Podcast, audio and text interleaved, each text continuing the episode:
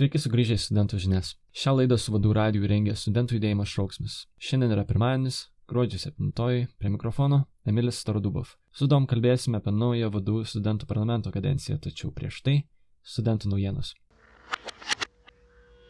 Vilniaus kolegijos slaugos studentų praktika karantino metu. Vilniaus kolegijos bendrosios slaugos studentai piktinasi, kad yra verčiami praktiką atlikti koronaviruso ligonių skyriuose, praneša 15 min.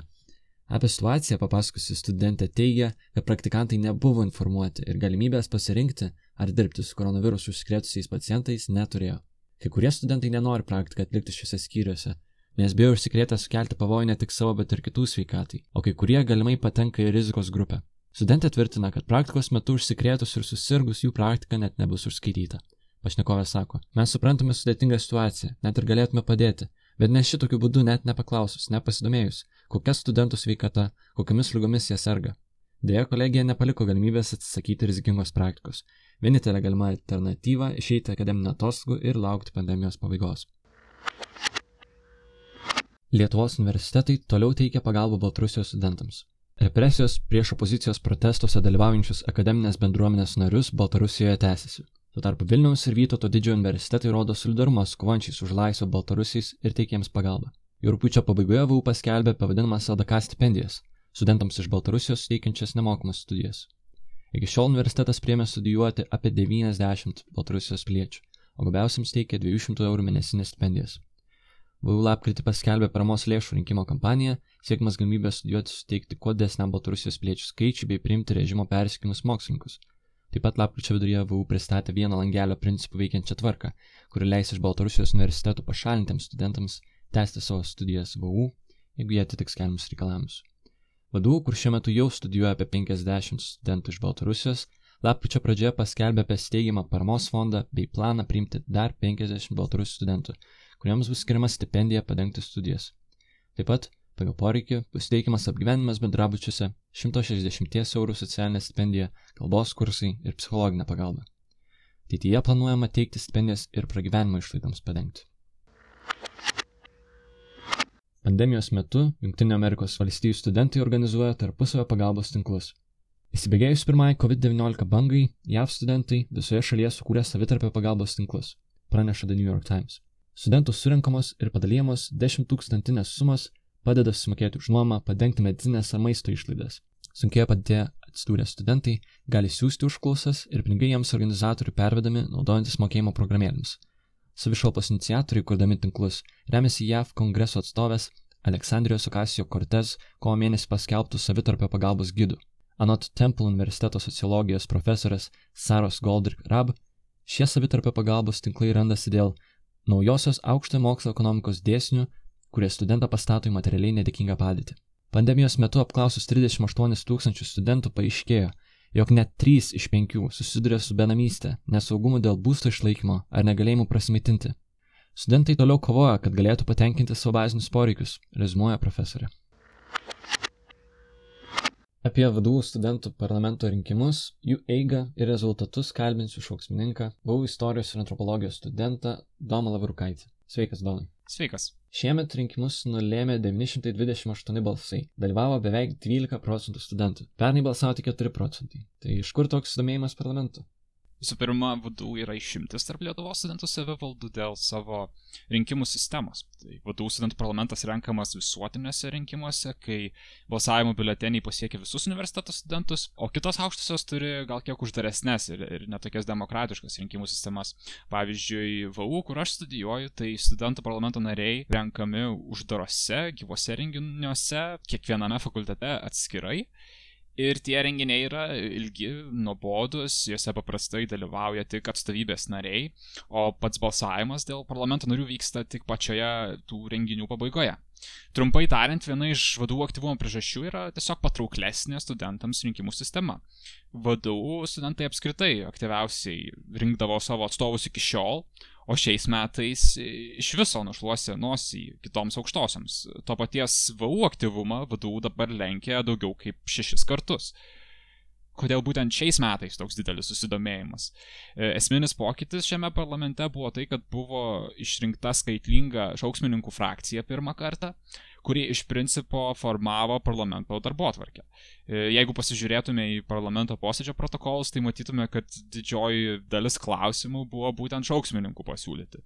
Ir tai nulėmė, kad parlamentas, kuris 2019 metais buvo net 8 mėnesius nesusirinkęs į posėdžius, tapo naujų, šviežių pasiūlymų svarstymo vieta.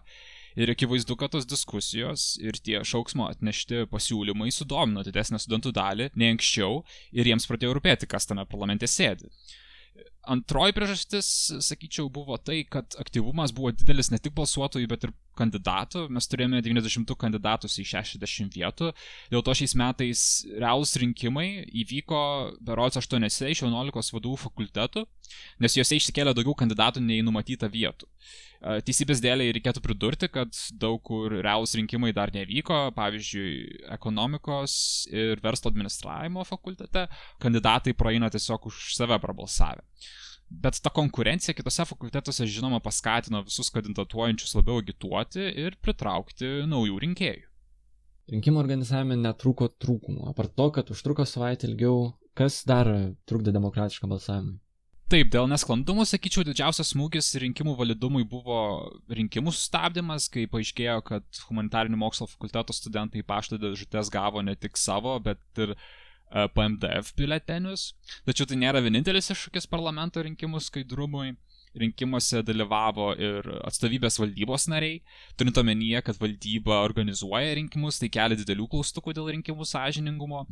Prieš paskelbint iš naujo balsavimo, valdyba po šauksmininkų užklausos pranešė, kad Daniel e, Mačichin iš GMF bei atstovybės prezidentas Paulius Vaitiekus iš EVFV, kurie dalyvavo rinkimuose, balsų skaičiavime atseit nedalyvaus. Tačiau turint omenyje tai, kad studentai neturi galimybės stebėti rinkimų organizavimo, valdybos darbo, tai neįmanoma pasakyti, ar tokio sprendimo yra laikomasi ir ar valdyba, ir valdyba nepateikė jokių to įrodymų.